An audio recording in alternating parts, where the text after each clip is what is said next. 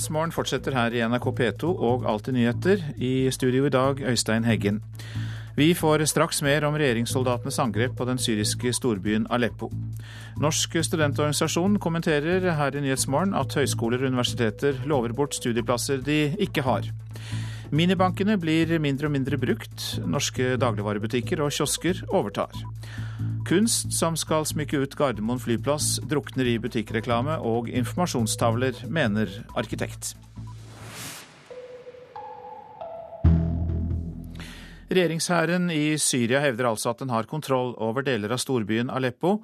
I løpet av et par dager vil byen være trygg igjen, sier en talsmann. Hvor sannsynlig er det, utenriksmedarbeider Tom Christiansen? Høyst usannsynlig. Internasjonale journalister som er i byen, sier at her pågår kampene fortsatt. Eh, det er veldig mange soldater i gatene, og det er også veldig mange opprørere som eh, ikke har tenkt å gi seg. Så eh, at dette skal være en trygg by om noen dager, det er en vits. Har du eh, fått inn informasjoner på morgenen om hva folk våkner til i Aleppo? Ja, de våkner jo til en ødelagt by. Eh, de våkner sultne. De gikk til sengs i går uten eh, mat i magen og er mer sultne i dag enn de var i går. Det er lik i gatene. Det er eh, gamle mennesker. Familiene har forlatt de som har flyktet ut av byen, som går rundt der redde, frustrerte og, og, og eh, for, forvirra. Ehm, folk er veldig redde, vet ikke hvor de skal gå. De drar til skoler, offentlige bygninger og håper at det er tryggere der. Men det som jo skjer, er at dette er altså en krig i gatene der folk bor. Og det, gjør at eh, de som bor der, vet ikke skal vi gå ut eller skal vi holde oss inne. De vet ikke, og de får ikke vite noe heller. Slik har de det i eh, Aleppo. På det storpolitiske planet Tom Christiansen, så kan vi jo nevne at USAs utenriksminister Leon Panetta er på vei til Midtøsten. Hva kan han si om situasjonen der, tror du? Det han sa var eh, rett ut at uh, presidentens dager er Det er bare et spørsmål om når han må gå. Men fortsetter han å angripe sitt eget folk, som han har nå gjort med særdeles brutalitet i Aleppo, så er dette, dette spikeren i kista, og det er nokså direkte språk. Han er veldig bekymret for hva Syria i en trengt situasjon kan komme til å gjøre. De har lagre av kjemiske og biologiske våpen. Har de tenkt å bruke dem? Selv sier Syria nei, men du vet aldri når eh, man blir så pressa som eh, Al-Assad er i øyeblikket. Hvilke humanitære følger er det FN må håndtere nå? Ja, FN i nær kontakt med Røde Kors, som jo har en spesialoppgave når det gjelder krig.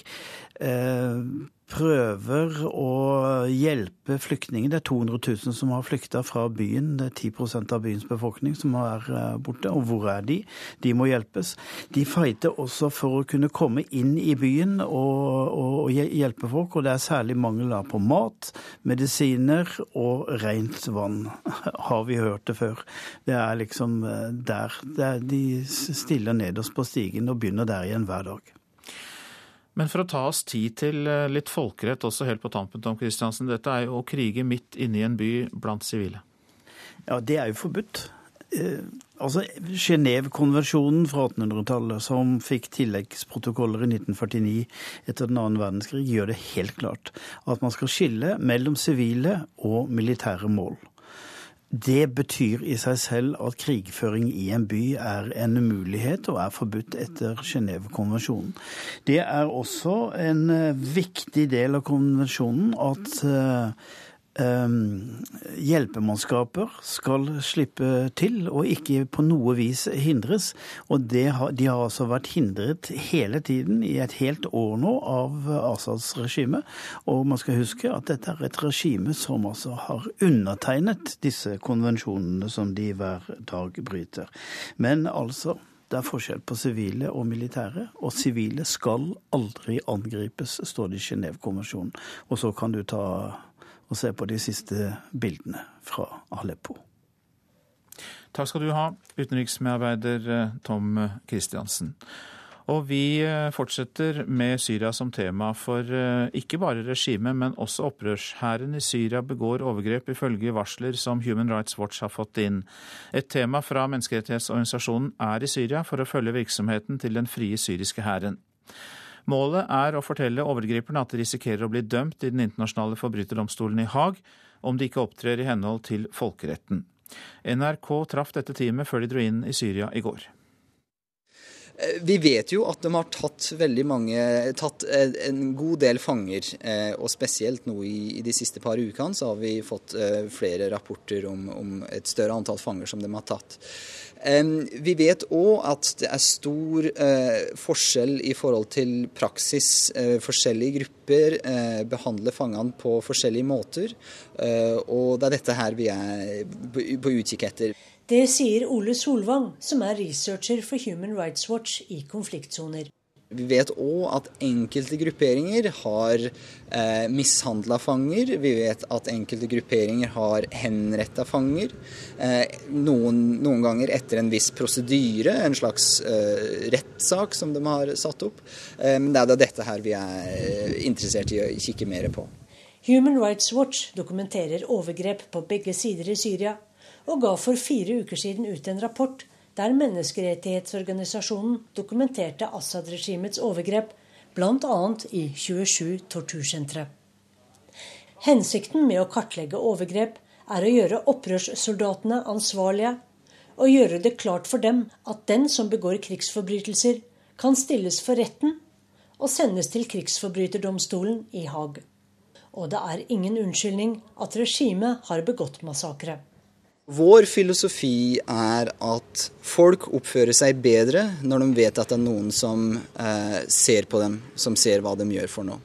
Risen bak speilet er at, eh, er at eh, det kan være konsekvenser for den type overgrep. Altså, I dag så er det ikke noen konsekvenser.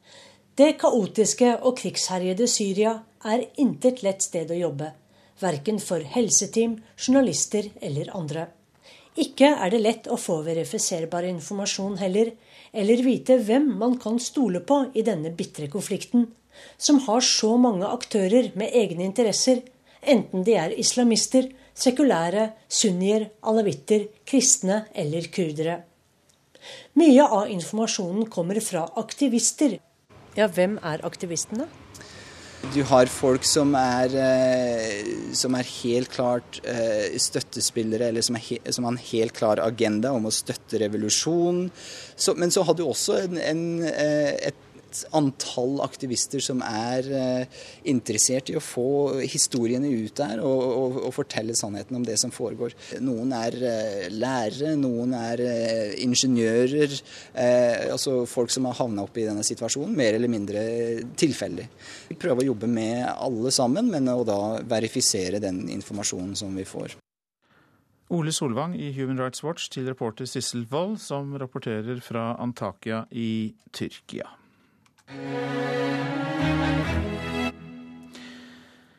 Høyskoler og universiteter over hele landet jubler over rekordopptak og nesten 5000 flere tilbud om studieplasser enn i fjor, men eh, det reelle tallet på studieplasser øker ikke tilsvarende.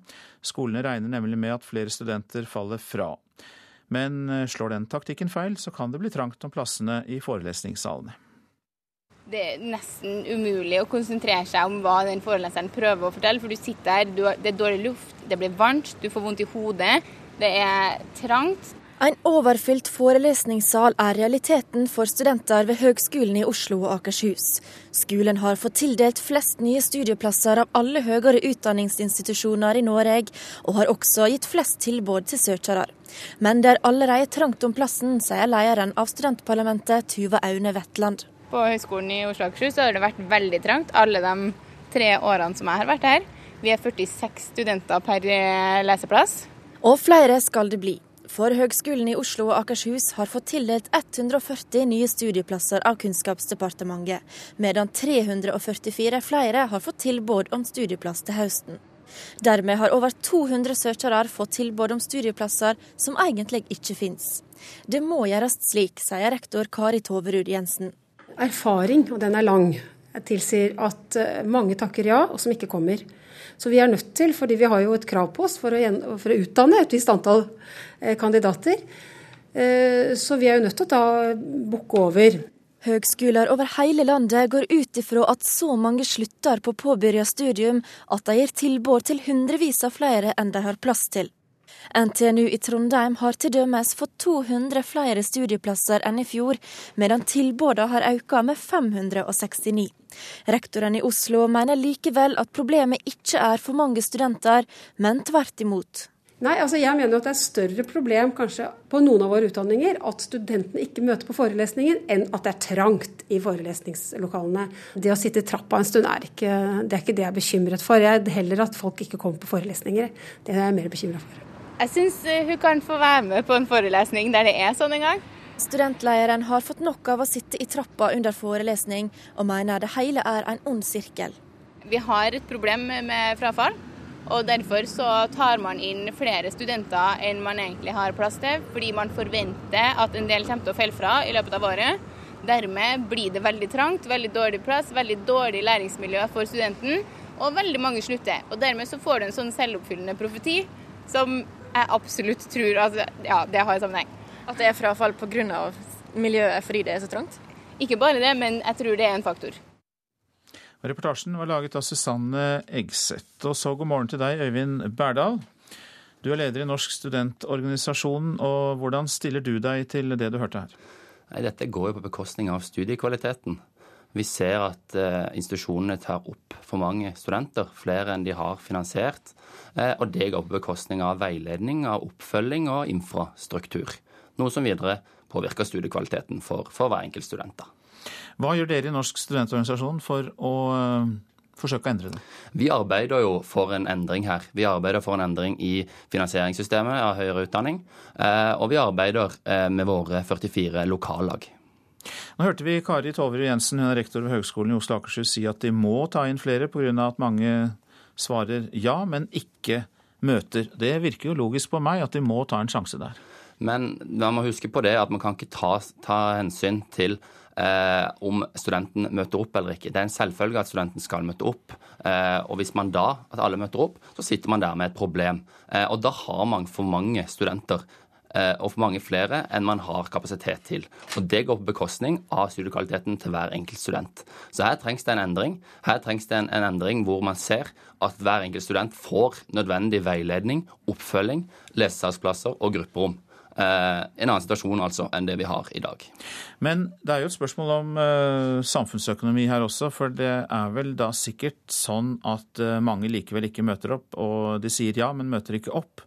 Så hvordan løser du det problemet? For du, det høres jo ut på deg som om du bare vil øke innsatsen, øke bevilgningene til skolene, og så fikser de det på den måten. Men hvordan løser du det problemet at mange ikke møter opp? Ja, men Dette handler om å legge opp til en best mulig hverdag for studenten.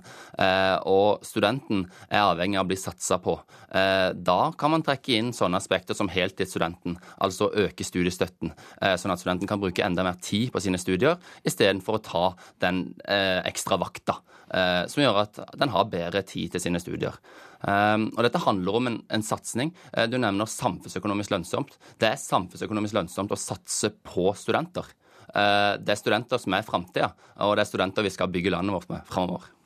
Hva gjør dere i Norsk studentunion nå akutt for å ordne dette, bidra til å løse problemet nå i høst? Vi arbeider jo for dette som nevnt med våre institusjoner, med våre medlemslag, våre parlamenter, ehm, og, og bruker disse for å spille inn overfor institusjonene at her trengs det en endring. Og Vi jobber også opp mot dette eh, når det kommer til eh, de politiske partier, eh, og prøver å, å vise regjeringen at dette er noe som må endres på.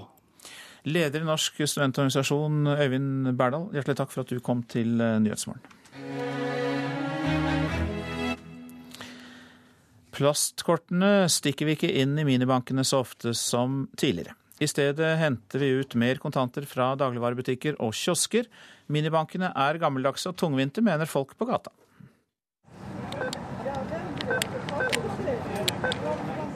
Færre pip fra norske minibanker. For eh, uttak fra de små maskinene blir stadig mer uvanlig. I stedet bruker vi bankkort, og tar vi ut penger, ja da gjør vi det på superen. Barna mine også. De syns jeg var treg med å bruke kort. Ja, jeg har heller gått og tatt ut, og så går jeg med kontanter i lommeboka. Men det har jeg kuttet ut. Og hun er ikke den eneste. De siste ti årene har vi nordmenn forandret våre pengevaner kraftig, forteller Tonje Vestby i Finansnæringens Fellesorganisasjon ti årene så har bruken av altså uttak fra minibank og kontantunntak uh, det har gått ned med 37% Så det er en klar trend at vi benytter bankkortet til ja, kjøp av uh, alle typer beløp. Altså åtte av ti betaler med bankkort, helt uavhengig av beløp. Så skal du kjøpe en tyggegummi eller uh, noe som koster lite, så bruker du også bankkort. Antall transaksjoner årlig i norske butikker og kiosker har ifølge næringa selv økt med over 200 mens minibankene sakker akterut. Nei, det er mye enklere å bruke kortet, så slipper du de småpengene og sånn. Hvis du skal ta ut penger til noe, går du i minibank eller tar du det i butikken? Butikk. Det er mye oftere i butikk enn nærme minibank. Og det er ingen aldersbegrensninger på hvem som bruker bankkortet i butikkene, forklarer Vestby. Alle aldersgrupper gjør det, og vi ser jo den største økningen blant eldste på kortbruk, faktisk. Så det er ikke noe sånn typisk for bare de yngre. Dette her er en trend i alle aldersgrupper, at vi bruker kort mer og mer, og ikke kontanter. Du er i butikken, og da kan du ta ut penger. Flere og flere butikker tilbyr jo å ta ut større beløp enn tidligere. Når var du sist i minibank? Eh, det kan jeg faktisk ikke huske. Jeg tok ut penger i butikk i går før vi reiste hit. Og det var Kent Amar Eriksen og eh, Ole Marius Rørstad som hadde laget denne reportasjen. Ja, Du lytter til Nyhetsmorgen på NRK P2 og Alltid nyheter. Klokka har passert 7.19, og vi har disse hovedsakene. I Syria har regjeringssoldater tatt tilbake deler av storbyen Aleppo. Samtidig skal 200 000 mennesker ha flyktet fra byen de siste to dager. Høyskoler og universiteter overbooker studenter, gir tilbud til flere enn de har plass til. Samferdselsminister Marit Arnstad avviser kritikken mot regjeringens satsing på intercitytog. Arnstad sier at det blir rom for en slik satsing.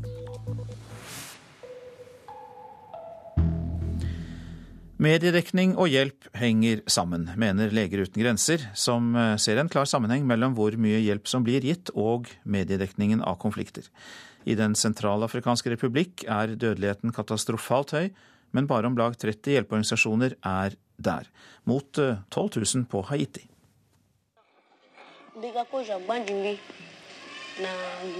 Ti år gamle Mokwem Patern er på sykehus og blir behandla for sovesyke, en sykdom som er dødelig uten hjelp, men som kan kureres med behandling. Tiåringen er blant få heldige som får hjelp. I Den sentralafrikanske republikk er det bare 300 leger, fordelt på 4,5 millioner innbyggere. Få har hørt om landet, og det hadde heller ikke lege Hilde Brun Andersen før hun ble sendt på oppdrag i Afrika.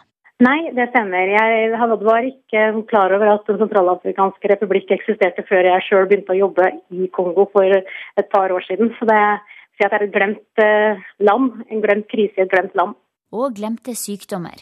Sovesyke, tuberkulose, malaria og aids tar livet av så mange at dødeligheten er på et katastrofalt høyt nivå. Verre enn på Haiti. Men vi som jobber i media, lager nesten aldri saker fra Den sentralafrikanske republikk. Det syns Hilde Brun Andersen vi bør gjøre. Ja, det er klart at Akkurat da det akutte jordskjelvet skjedde på Haiti, så hadde vel de et større hjelpebehov enn det de har i Den sentralafrikanske republikk.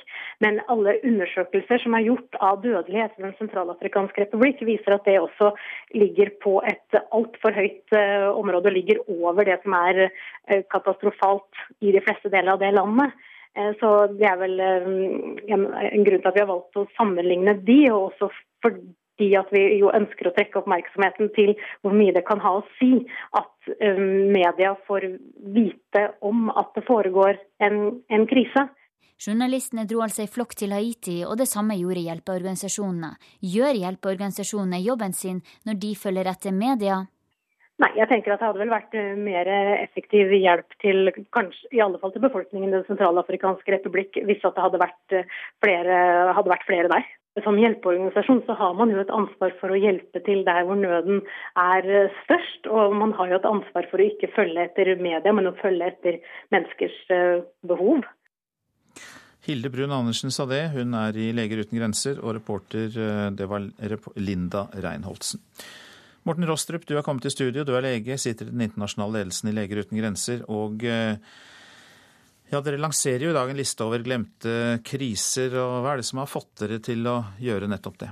Ja, Det er jo det som eh, kom fram i dette innslaget også, at eh, vi ser jo at det er mange glemte kriser. Det er mange områder i verden, og det er mange mennesker som lider, som ikke får oppmerksomhet. Så dette er en måte å få på en måte rystet litt opp i mediebildet på, og se at uh, her må man faktisk dekke dette bedre. Hvorfor tror du krisen er glemt? Ja, det er mange årsaker til det. Jeg tror uh, det virker av og til som media at de har det prinsippet at det holder med én krise av gangen, f.eks. Jeg tror um, mange av disse, disse krisene er er glemt fordi de ofte er kroniske, de er vedvarende. De har ikke den nyhetsverdien, selv om det er millioner av mennesker som lider. Og vi ser jo i mediebildet at det er den aktuelle nyheten, plutselig nyheten, som fatter interesse. Og vi vet jo at for det norske folk nå, så er det altså vi vet fra, fra meningsmåling at uh, 70% av det norske folk mener det er for mye kjendisstoff. 44% ønsker mer utenriks. Folk vil ha mer nyheter om dette. Men eh, det virker som om redaktørene rundt omkring faktisk undervurderer det norske folk i dette her.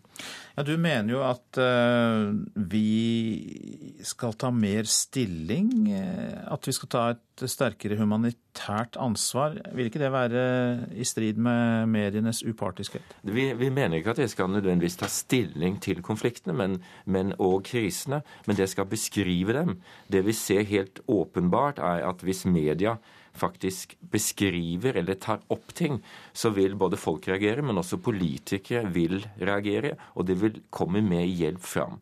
Slik at Det er ikke snakk om å ta opp noe politisk stilling, det er bare rett og slett å beskrive hva som skjer. Og jeg tror kanskje at norske redaktører ikke skjønner helt hvor mye makt de faktisk har, og hvor stor innflytelse media har. Det virker som eh, det har gått litt hus forbi, sånn som vi ser dekningen av disse krisene. Men så bør jo også hjelpeorganisasjonene la være å løpe etter media og eh, velge sin egen agenda, velge sine egne områder å hjelpe? Ja, det er, det er helt opplagt at uh, hjelpearbeidere og hjelpeorganisasjoner de skal analysere hvor behovene er, og de skal gå der behovene er størst. Og vi har jo sett mange ganger at de, de, følger blitslys, de følger media, og de ønsker å profilere seg selv gjennom kriser. Og det, det syns jeg er forkastelig. Det, det viktige her er å komme fram der hvor folk har størst behov. Takk for den tankevekkeren, Morten Rostrup, lege, og eh, som også da sitter i ledelsen i eh, Leger uten grenser eh, på internasjonalt plan. Vi ser på hva avisene skriver. Apropos media, så tar vi fatt i hva de har på førstesidene i dag. Høyskoler kaprer studenter med sol og strand, er Aftenpostens oppslag. 3000 studenter starter i høst høyskoleutdanning på eksotiske reisemål som Bali, Brasil eller Mexico. Et koblingssalg som ikke klinger bra, sier rektor ved Universitetet i Oslo, Ole Petter Ottosen. Håp om kur for Alzheimer er oppslaget i Adresseavisen. Islandske forskere har funnet et gen som beskytter mot mental svekkelse. Håpet er å utvikle en kur som gir samme effekt som genet. Og VG skriver at ny gentest kan redde kreftsyke. Testen kan forutse dødelig tykktarmskreft, og er et gjennombrudd for norske forskere. Ingen kontroll med solariumsforbud, skriver Nordlys. Kommunelegen i Tromsø har ingen planer om å kontrollere at den nye 18-årsgrensen for å bruke solarium blir overholdt. Pristak på tannhelse er oppslaget i Klassekampen. Norske tannlegepriser går til himmels, og prisregulering er nødvendig, mener SV. Når maten blir en fiende, skriver Dagsavisen. 50 000 norske kvinner under 45 år har spiseforstyrrelser. Det var mye om helse, og for å runde av med Dagbladet, for der er oppslaget 'Så lenge lever du'. Det er store forskjeller i levealder fra fylke til fylke. Sogn og Fjordane kommer best ut i livslengde, mens Finnmark ligger på bånn. Utvekslingsåret ble et mareritt, kan vi lese i Bergens Tidende. Live Skiftesvik fra Askøy fikk et dårlig studieår i USA. Hun forteller om trusler og utnytting i vertsfamilien i Texas. Andre norske utenlandsstudenter har fortalt om uhygieniske forhold, om frihetsberøvelse og konfiskerte eiendeler. En av tre nordmenn vil ha bedre kulturvern, viser en undersøkelse gjort for Nasjonen. Staten ivaretar ikke ansvaret for vernede bygninger godt nok, mener et flertall av oss. Barn blir ikke hørt og må bo hos overgriperen, det er oppslaget i Vårt Land. Advokat Thea Totland mener at retten ofte ikke tror på barn i fordelingssaker. I 20 saker hun kjenner til, må barna bo hos den av foreldrene som først var mistenkt som overgriper.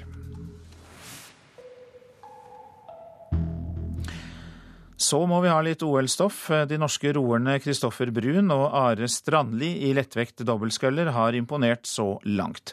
Og nå tror landslagssjefen at de kan nå langt. Jeg tror på at vi kan komme til finalen. Det tror jeg. Vi skal passe våre ting. Det tror jeg. Det sa landslagssjef Karsten Hassing. De norske rogutta hadde timet og tilrettelagt hva de skulle gjøre i kvartfinalen. Planen fulgte vi, bare ikke akkurat den måten vi hadde tenkt. Men Are Strandli og rokollega Kristoffer Brun imponerte ikke nevneverdig i starten av løpet. Vi får Ungarn inn på 1.33,05. Deretter Hellas, Cuba, Danmark og eh, Norge. De norske gutta lå sist halvveis i løpet men de vet hva som må rettes på. Ja, Det er jo bare tekniske ting. altså Må være iskald i hodet og holde på de tingene vi øver på på hver trening. Og når man da blir litt ivrig, så faller man fort inn i det liksom gamle sporet, som kanskje ikke helt der det skal. Men mot slutten satte de norske gutta virkelig opp farten. Se den norske ja, båten nå. Se nå. Er den ikke oppe på andreplass nå, da? 1875 meter passerer de der. Så kommer Cuba litt tilbake igjen. Se nå, se Ungarn har sprukket. Det snakkes om finale, det drømmes om medaljer. Jeg syns de har utviklet seg bra siden siste World Cup. og øh, Jeg syns de har noen gode ting på gang, og de er ganske tydelige på hva de gjør øh, feil, og hva det ikke fungerer. Danmark vinner, ja. som forventet. Norge på en andreplass. Ja, det var bra. Det var utrolig bra. Semifinalen ros torsdag. Ja, midt i denne begeistringen, reporter Patrick Rowlands. Prosent for Nyhetsmorgen, Jean Erik Bjørnskau. Her i studio, Øystein Heggen. Og vi nevner at etter Dagsnytt eh, kan du få høre mer om De grønnes presidentkandidat i USA. Og vi skal også møte samferdselsminister Marit Arnstad, som vet at hun har ansvaret for mange av de sakene som blir viktige i valgkampen neste år.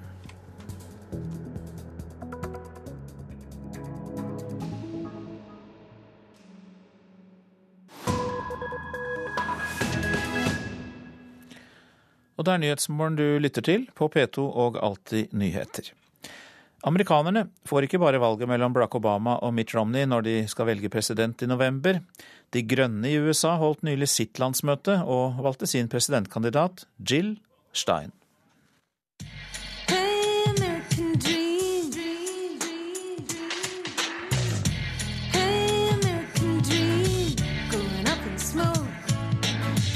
Hi, I'm Jill Stein, candidate for president with the Green Party. I know many of you are really frustrated with the way things are going out there. Jo da, det er den samme damen, hun som synger om revolusjon og den amerikanske drømmen som er gått opp i røyk.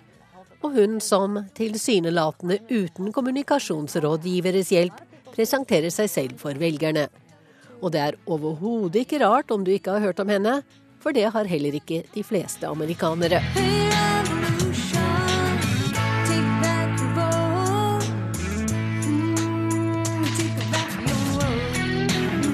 Jill Stein er 62 år gammel, lege og var inntil nokså nylig vokalist i et folkrockband i Massachusetts som kalte seg Somebody's Sister.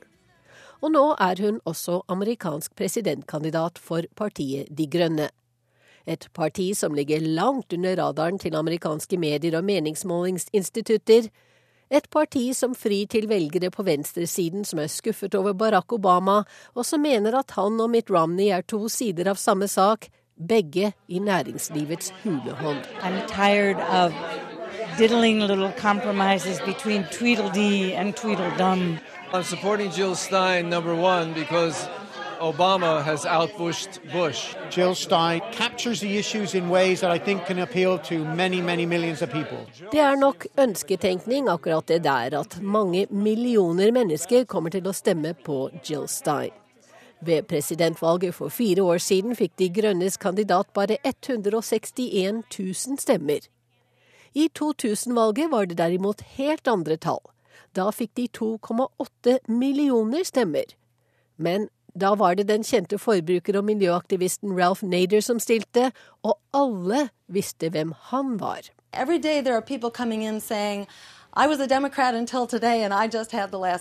Jill Stein forteller om demokrater som slutter seg til De grønne hver dag, men med det peker hun på det som er partiets store dilemma, at de tar stemmer fra det partiet de egentlig står nærmest, demokratene. Og det kan bety mye i et jevnt valg. Hadde Al Gore fått Ralph Naders stemmer i Florida i 2000, ja, da hadde aldri George W. Bush blitt president. Årets presidentvalg ser også ut til å bli svært jevnt, og noen få tusen, eller kanskje noen få hundre stemmer for Jill Stein kan i teorien være nok til å frarøve Obama seieren i en viktig vippestat, og dermed kanskje også gjenvalg. Oh,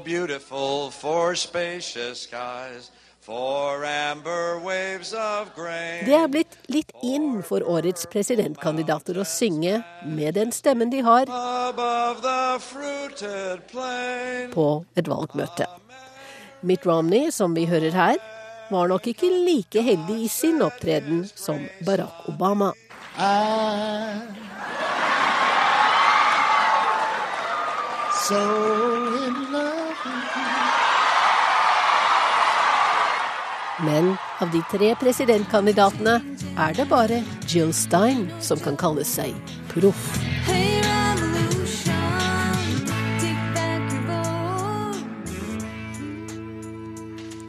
Og det er Wenche Eriksen som følger presidentvalgkampen i USA. Klokka den har akkurat passert 7.44, og vi har disse overskriftene i Nyhetsmorgen. I Syria har regjeringssoldater tatt tilbake deler av storbyen Aleppo. 200 000 mennesker skal ha flyktet fra byen de siste to dager. Høyskoler og universiteter overbooker studenter, gir tilbud til flere enn de har plass til. Og om noen minutter kan du høre et intervju med samferdselsminister Marit Arnstad, som avviser kritikken mot regjeringens satsing på intercitytog.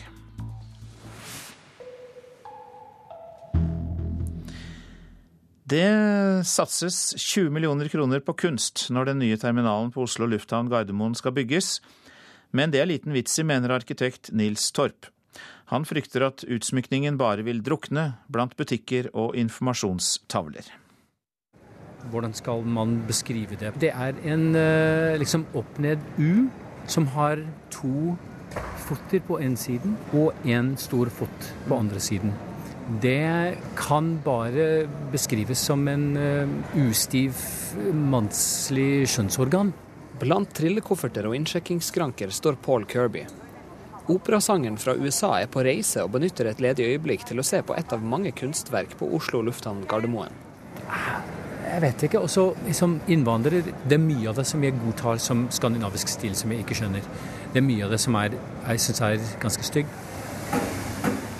Flyplassen er under utbygging, og kunstkonsulent Anne Beate Hovin jobber med et prosjekt til den nye terminalen. Hun sier at det satses hardt på kunst til den 117 000 kvadratmeter store utvidelsen. Vi er veldig opptatt av at eh, både ansatte og alle mange mange tusen besøkende skal få oppleve det vi har uttrykt som bemerkelsesverdig og engasjerende kunst på et høyt internasjonalt nivå. Da flyplassen åpna i 1998 hadde man brukt 18 millioner kroner på kunst, og Hovin kan nå fortelle at man vil bruke mer enn det på den nye terminalen. Vi er i gang med å lete etter aktuelle kunstnere som vi kan velge blant. Prosjektet er på drøye 20 millioner. Og nettopp det mener en av arkitektene bak originale Gardermoen, Nils Torp, er unødvendig mye penger. Efter mitt skjønn så er det ganske få kunstverk som eh, preger den gamle terminalen. Det er masse merkelige greier som spretter opp her og der, og som jeg syns egentlig ikke hører hjemme overhodet i en, eh, en reisemaskin. Turist Ingrid Skamarken står foran én av totalt elleve lyddusjer på Gardermoen. Hun har ikke lagt merke til den, men mener kunsten har en plass på flyplassene. Ja, det syns jeg. Vi har så mange gode kunstnere, så hvorfor ikke bruke dem lite grann? Arkitekt Torp tviler på sin side at folk vil legge merke til kunsten. Han mener den kan drukne blant flyplassens butikker og informasjonstavler. Jeg er veldig tvilende til det egentlig. Det er så mye annet som tar oppmerksomheten at det er vanskelig å tro at kunsten skal kunne gi noe særlig bidrag. Anne Hovin kan imidlertid betrygge med at man tar hensyn til eventuelle forstyrrelser. Det er alltid en utfordring i sånne offentlige rom. Så det derre både å finne god plassering for kunst, men også kunst som tåler å stå i et så krevende visuelt miljø, er etter min mening hovedutfordringen. Til slutt er kunstkonsulent Anne Beate Hovin, reporter Martin Hotvedt, og mer om denne kunstdebatten i Kulturnytt om ca. 20 minutter. Statoil de strever med en årelang sak i Nigeria. Det er oljekonsulenten John Abebe som ifølge Dagens Næringsliv nå frykter at Statoil vil lure ham for milliarder han skal være lovet. Nye rettssaker skal avgjøre hvem som lurer hvem. Kollega Hedvig Bjørgum, hva krangler de om? Jo, Det er jo en skikkelig røverhistorie om eh, både politikk og store penger, og det i en for oss lite oversiktlig økonomi. Siste utspill er fra Statoils tidligere konsulent i oljerike Nigeria, John Abebe, og hans advokater. Oljekonsulenten sier han har en gammel avtale med Statoil om at han skal få 1,5% av alle inntekter Statoil har på oljefeltet Agbami pluss tre eh, andre blokker eller oljeområder. Og det kan bli milliarder av kroner i provisjon om en tar eh, utgangspunktet i de store reservene. John ABB har hatt suksess med kravet sitt. Senest før juli i fjor så ble Statoil dømt til å betale ham i henhold til dette kravet. 1,5% av inntektene fra feltene. Og det i Nigerias nest høyeste domstol. Det høres ut som vanvittig mye penger. Hva sier Statoil? Statoil vil eh, helst ikke si noe i saken i dag til Dagens Næringsliv, men sier at de ikke skal lure noen til avisen. Eh, for Statoil har hele tiden avvist dette kjempekravet, og anker nå til Høyesterett.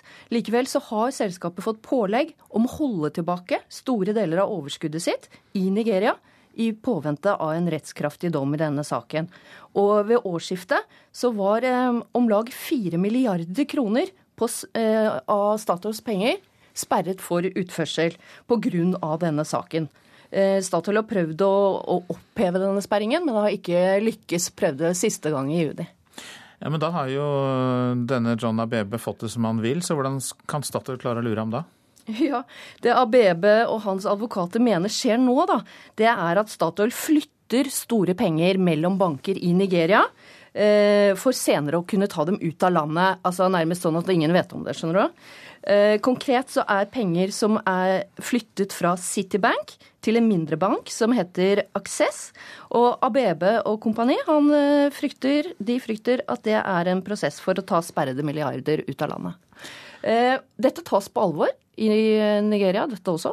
En dommer ved en føderal domstol i Lagos har innkalt Access, Citibank og 17, eller eh, jeg tror til og med 19 andre banker til et møte 8.8, der de må redegjøre for hva har de av penger for Statoil i landet. Og flere departementer skal også være med på det møtet. Så denne saken rusler videre i det nigerianske rettssystemet? Ja, det gjør det. Og siste mulighet for Statoil er eh, Høyesterett. Det tar nok en tid eh, før dom kommer der. Men hvis så skjer, så vil jo da en av retten oppnevne, oppnevne en mann da, som skal beregne dette gigantkravet. Historien om en oljekonsulent i Nigeria og hans eh, krangel med Statoil. Hjertelig takk skal du ha, kollega Hedvig Bjørgum, for denne orienteringen. Sommerens debatt om tog og vei nå, for det er eh, vel forpostfekninger foran stortingsvalget og kampen om regjeringsmakten neste år. Da vil slaget stå både om utbyggingstakt og finansieringsmåter. Og den nye samferdselsministeren Marit Arnstad fra Senterpartiet erkjenner at hun styrer med saker som blir svært viktige i valgkampen. Jeg tror det blir uhyre viktig. Eh, fordi samferdselspolitikken det handler jo både om å få folk til og fra arbeid eh, hver dag på en effektiv måte. Eh, og det handler om at industrien og næringslivet skal få sine varer fram til markedene både nasjonalt og i Europa. Så det er kommer til å være et utrolig viktig tema for veldig mange. Samferdselsministeren tar imot i et sumarstilt departement. Men utfordringene, de er mange. Og en av de store sakene er jernbanetriangelet, eller intercitysystemet mellom Halden, Skien, Lillehammer og Oslo. Både Senterpartilederen og samferdselsministeren har fått kritikk fordi mange mener de har skapt tvil i Sumar om viljen til å satse på prosjektet. Slik er det ikke, sier samferdselsministeren. Nei, altså Det kommer til å bli rom for intercity, og det er veld, et veldig viktig prosjekt. Og vi har også forplikta oss i klimaforliket til å følge opp intercityutbygginga med en framdriftsplan. Men det å begynne å gå inn og forskuttere behandlinga av NTP eh, nå, Altså Nasjonal transportplan? Av Nasjonal transportplan nå, på en måte før du har starta behandlinga, det syns jeg, eh, må jeg si at det syns jeg er umulig å gjøre for en, for en, statsråd. Jeg må få lov å holde litt tilbake på, på, hva som faktisk kommer til å stå der. Men jeg kan si at det kommer til å bli en, altså at Utbygging av intercity det kommer til å være en prioritert sak. Det er det jo ikke noe tvil om. Det legger jo som en føring fra både storting og også fra regjeringas side. Avviser du både kritikk og sarkasmer fra opposisjonen, altså? Jeg avviser i alle fall sarkasmer. men jeg skjønner jo at opposisjonen har behov for å være kritisk iblant. Men her syns jeg ikke de har grunnlag for det. For vi kommer til å selvsagt å videreføre intercityutbygginga. Og det er ingenting i det som Venstre har sagt om at, det, om at vi har, har, gått inn for noe som er, bryter med klimaforliket. Slett ikke. Hvor aktuelt er det for deg da å satse på et mindre alternativ, Fredrikstad, Hamar, Tønsberg, i stedet for Halden, Lillehammer, Skien? Jeg har sagt i likhet med Halleraker fra Høyre og Knut Arild Hareide fra KrF og Anne-Marit Anne Bjørnflaten fra Arbeiderpartiet at, at det er en avveining du er nødt til å gjøre. Du er nødt til å se på om du skal forsere det indre alternativet, eller om du skal ta både det indre og ytre i neste nasjonale transportplan. Det er en avveining du er nødt til å gjøre. Men jeg vil heller ikke forskuttere den avveininga. Jau, de handfaste svara må både opposisjon, trafikanter og andre vente på til neste år. Men valgkampen kjem ikke bare til å stå om strekninger. Den står også om finansieringsformer for mer effektiv gjennomføring av store samferdselsprosjekt. På høyresida vil en ha offentlig-privat samarbeid, OPS, og mener regjeringa har skadelig skrekk for effektiv privat medvirknad. Den debatten er for enkel, hevder Marit Arnstad. Den er litt for enkel, fordi det finnes jo mange ulike typer OPS-løsninger. Og i og for seg så er jo også dagens samferdselsprosjekt et samarbeid mellom det offentlige og private entreprenører, som jo, gjør jobben. Eh, dessuten syns jeg at debatten om alternativ finansiering fortjener at du kan se på eh, flere av de mulighetene som finnes når det gjelder alternativ finansiering. Og hva er det? Det kan være både langsiktig budsjettering, som har vært diskutert, det kan være egne utbyggingsselskap som har vært diskutert, det kan være OPS som har vært diskutert. Det kan skje både innenfor og utenfor handlingsregelen. Så det er ikke nødvendig å gjøre debatten om alternativ finansiering bare til en debatt om OPS, eller bare til en debatt om å bryte handlingsregelen. Eh, det kan gjøres til en langt mer nyansert debatt enn som så, og da går det kanskje også an å finne gode løsninger. Hvor krevende økonomisk blir det å få utbygd intercitytriangelet på Østlandet? En skal ikke legge skjul på at eh, hvis en ser samla på ønskene fra både fagetater og fra brukere og fra norske kommuner og fylker, så er, det meget krevende å møte en del av de ønskene og ambisjonene som ligger der. Det vil være krevende både når det gjelder intercity, men det vil også være krevende når det gjelder en rekke andre prosjekt som er foreslått inn i Nasjonal transportplan. Sier du at eh, noen må lie for at en skal virkelig prioritere intercitytriangelet? Nei, jeg sier at de samla ønskene og ambisjonene eh, er veldig, veldig store. Og det tror jeg også alle partiene egentlig er klar over. I alle fall så registrerer jeg at eh, Hareide og Halleraker ser ut til å være klar fra Høyre og KrF ser ut til å være klar over at her er det samla sett veldig høye ambisjoner, og at det er vanskelig å si at alle skal få alt. Skal du sitte og vente til Nasjonal transportplan kommer fra regjeringa utpå våren neste år, før du er mer konkret om dine prioriteringer? Er det mange andre som driver og diskuterer innholdet i stortingsmeldingene sine eller stortingsproposisjonene sine før de legger fram dem? Jeg syns faktisk at vi må få lov å, å, å også behandle det saken, saken, internt før vi går inn i helt konkrete prosjekt og helt konkrete tidfesting av ting. Samferdselsminister Marit Arnstad intervjuet av Bjørn Bø. Så tar vi for oss været i dag. Fjellet i Sør-Norge først. I nord blir det regn, ellers i fjellet spredte regnbyger og noe sol, utrygt for torden. Østlandet delvis skyet opphold, enkelte regnbyger nord for Lillehammer. Telemark opphold, noe sol kan det også bli der. Fra i ettermiddag enkelte regnbyger igjen og utrygt for torden. Agder lokale regnbyger og torden kan det bli. Vestlandet sør for Stad enkelte regnbyger i ytre strøk, ellers blir det opphold. Fra i ettermiddag lokale regnbyger på Vestlandet og utrygt for torden. I kveld lettere vær igjen i nord. Møre og Romsdal, der blir det regnbyger og utrygt for torden. Trøndelag regn og muligvis torden. Og i nord i Trøndelag blir det mye nedbør lokalt. Helgeland og Saltfjellet regn, lokalt mye nedbør. I kveld liten kuling på kysten. Salten, Ofoten, Lofoten og Vesterålen opphold, seinere regn i indre strøk. Troms oppholdsvær, fra i ettermiddag lettere skydekke og i kveld tåke på kysten av Troms. Finnmark får oppholdsvær i dag, i kveld blir det tåke på kysten i vest. Nordensjøland på Spitsbergen, nordvest liten kuling utsatte steder, fra i ettermiddag frisk bris, opphold og noe sol. Så har vi temperaturene som ble målt klokka sju. Svalbard lufthavn fem, Kirkenes ni, Vardø sju, Alta tolv, Tromsø-Langnes elleve, Bodø 13, Brønnøysund 11, Trondheim-Værnes 13, Molde 11. Bergen-Flesland 13, og det hadde også Stavanger 13 grader, Kristiansand-Kjevik 10 og Gardermoen 10. Lillehammer 11 grader, Røros 10 grader og Oslo-Blindern 13 grader. Produsent for Nyhetsmorgen det er Jean Erik Bjørnskau, teknisk ansvarlig Lisbeth Sellreite, her i studio Øystein Heggen. Om eh, noen få minutter etter Dagsnytt så blir det Kulturnytt her i P2 og eh, Alltid nyheter. Og så minner vi om at eh, nrk.no har tilbud til deg som har en datamaskin eller et nettbrett eller en mobil. Både nyheter og andre ting fra NRK via nrk.no. Vi minner om vår e-postadresse nyhetsmorgen krøllalfa nrk.no, altså nyhetsmorgen krøllalfa nrk.no.